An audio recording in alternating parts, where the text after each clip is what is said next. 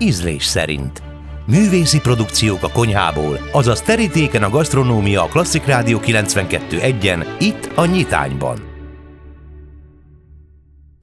Klasszik Rádió 92 egy benne a nyitány, a nyitányban pedig az ízlés szerint gasztronómiai rovatunk, ahol a mai vendégem Borbély Gergő, búvár borász. Jó reggelt kívánok!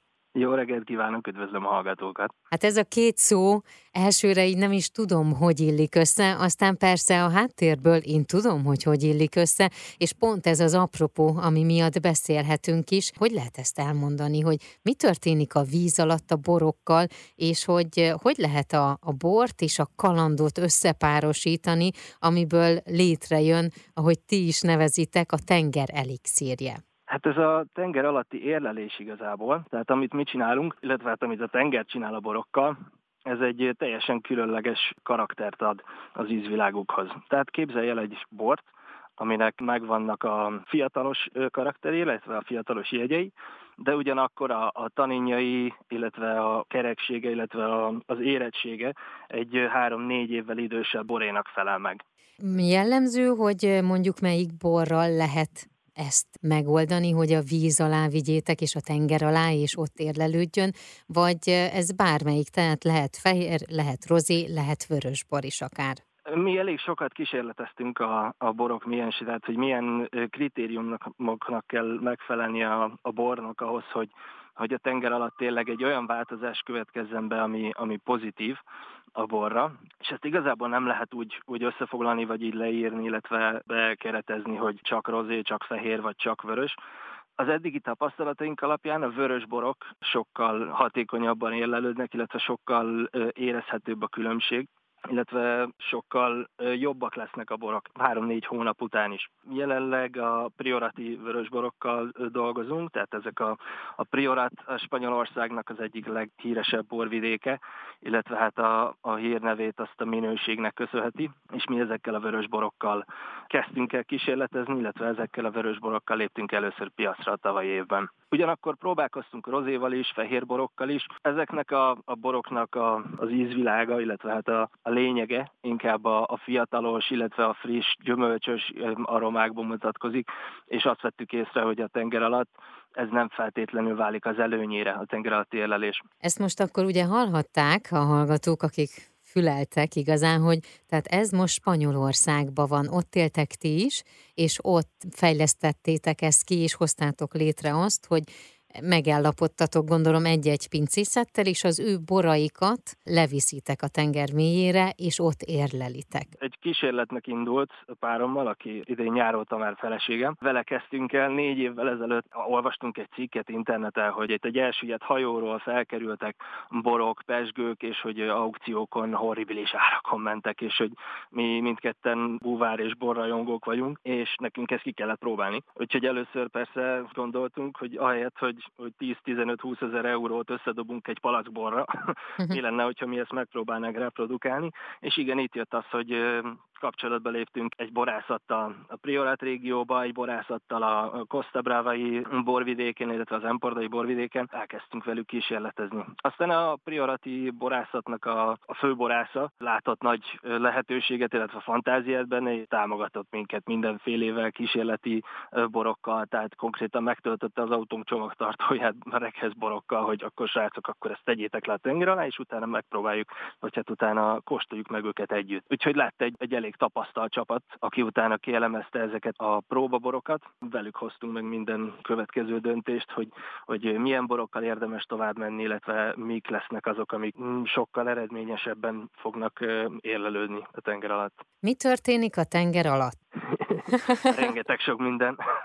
Hát igen. Tehát a tenger alatt igazából olyan helyeket próbáltunk, illetve olyan helyen csináljuk ezt az érlelést, ahol a, a körülmények a tenger alatt nagyjából megegyeznek a borászatnak a körülményeivel. Tehát, hogy a hőmérsékletnek állandónak kell lennie nagyjából ilyen 14 és 17 fok között, tehát ugye ez, ez egész évre értendő, ami ugye a nyári, illetve a téli szezonok között azért változhat többet, tehát ezt a mélységgel próbáljuk kompenzálni, hogy a mélyebb vizekben ugye állandóbb a hőmérséklet, aztán a zaj se a borászatban, se a tenger alatt nincs jelen. Hát a páratartalom az egy olyan dolog, ami ugye a tenger alatt egy kicsit magasabb, viszont ezt pedig egy védőviasszal tudtuk létrehozni, mert mint hogy a, a megfelelő páratartalmat, illetve hát azt, hogy, hogy a, a dugókat ne érje nedvesség.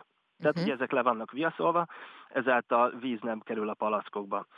Az egyetlen különbség, meg a, a polipokon, meg a halakon kívül, ami nálunk van és egy rendes, egy hagyományos borászatban nincs, az a folyamatos mozgás. Tehát ugye, a, ahogy a hold köröz a föld körül, ez így hozza és viszi az apályt, a dagályt, illetve a nagyobb hullámok, a viharok által keltett vízmozgás is folyamatos rezgésben tartja a palaszkokat. Tehát ezt nem úgy kell elképzelni, hogy a palaszkokat zörögnek, meg csörögnek a ketrecekben, hanem ez így ilyen folyamatos, ja, mikrovibrációknak hívják, uh-huh. de ez így kicsit inkább fizikai rész, és se a búvárkodáshoz, se a borászathoz nem kapcsolódik szorosan, viszont ez az egyetlen különbség. Tehát hogy a, foly- a borok folyamatos mozgásban, illetve rezgésben vannak, és valószínűleg ez okozza ezt a változást is. Próbáltatok-e, vagy vittetek le olyan borokat, amelyek mondjuk Magyarországról származnak? Természetesen. Tehát a magyarországi borok is jártak már nálunk, illetve az elején, tehát mikor elkezdtünk beszélgetni, ugye említettem, hogy a, a vörösborok a, a legjobbak erre a fajta érlelési módszerre, viszont pár tokai bort is levittünk, és az aszuk különösen jól debütáltak az első pár próbán, és valószínű ezen a vonalon fogunk majd tovább menni, hogy egy, egy-két aszubort is le fogunk vinni, talán egy nagyobb mennyiségben, hogy, hogy azt esetleg mások is megkóstolhassák majd rajtunk kívül. Ugye ti a, a tenger alá vittétek ezeket a borokat, de egy picit mégiscsak valahogy így szeretném, hogy itthonra vajon ezt, nem tudom, egy folyóba nem lehet ezt gondolom megcsinálni, mert hogy annak nagyon nagy a sodrása, túl sok minden történik abba, de mondjuk a Balatonba, vagy a Velencei tóba lehetőség lenne ilyenre? El tudom képzelni, tehát hogy a, a Balatonba vagy a Velencei tóba, sőt tudok róla, hogy, hogy otthon is pár lelkes búvár megpróbálkozott ezzel a dologgal. Azt nem tudom, hogy az ő eredményeik milyenek, viszont azt tudom, hogy a, a tengerben a, a mozgás az sokkal állandóbb és aktívabb, mint például a, a Balatonban vagy egy tóban. Tehát akkor ezt itt nem fogjátok tudni mondjuk így átültetni Magyarországra, tehát ehhez a tenger közege kell. Nekünk ugye a tenger a, uh-huh. a, a legközelebbi dolog, tehát mivel itt Spanyolországban elég sok van belőle, mondjuk uh-huh. azt, és úgy látjuk, hogy a, hogy a tenger alatti élelés ez az, ami igazából nem csak a, a boroknak a, a minőségét befolyásolja, de a kinézetét is. Tehát, hogy a tengeri élőlények, ezek az apró kis koralszerű élőlények, ahogy rárakodnak, ez nem csak egy gasztronómiai élmény, a, már a bor maga a palackban, hanem a palackok gyönyörűek. Például a, az Instagram oldalunkon szeretünk ezekről a legszebb palackjainkról képeket néha tenni, tehát ott meg tudják nézni a vizuálisabb állítottságú hallgatók, hogy, hogy mégis hogy néz ki egy ilyen palackból. És ezek például szerintem egy tóban vagy egy folyóban nem fognak ugyanígy kinézni, vagy nem néznének ki ugyanúgy. Milyen jövőbeni terveitek, vágyaitok vannak? Hát mi az egész tenger alatti borászatot azért kezdtük el, mert szeretnénk valamit a, a, a tengerbe visszaadni. Azok a, a búvár élmények, illetve azok a kalandok, amiket a tenger alatt éltünk meg, ezt szeretnénk valahogy a természet természetnek visszaadni. És amit az első kísérletek után tapasztaltunk, ezek a ketrecek, amiket lehelyezünk a tenger alá, ezek nem csak a, a borokat érlelik, az úgynevezett oázis effekt miatt, vagy rengeteg tengeri élőlénynek ad, adnak otthont.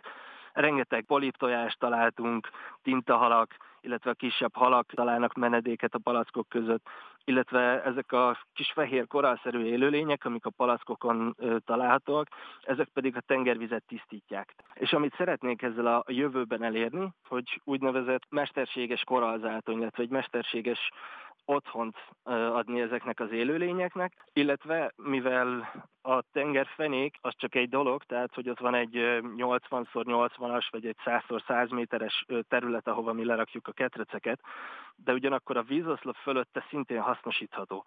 És oda pedig szeretnénk egy algafarmot, vagy egy farmot létrehozni, amik uh-huh. szintén tisztítják a vizet, és oxigént termelnek. Én kívánom, hogy ez sikerüljön, és folytassátok ezt a fantasztikus dolgot, amit kitaláltátok nagyon sokáig, és jó sokan tudják megkóstolni ezeket a borokat. Köszönöm szépen, remélhetőleg Budapesten is nem sokára tudunk majd egy borkóstolót tartani. Nagyon szépen köszönöm. Az elmúlt percekben Borbély Gergőt hallhatták, búvárborászt.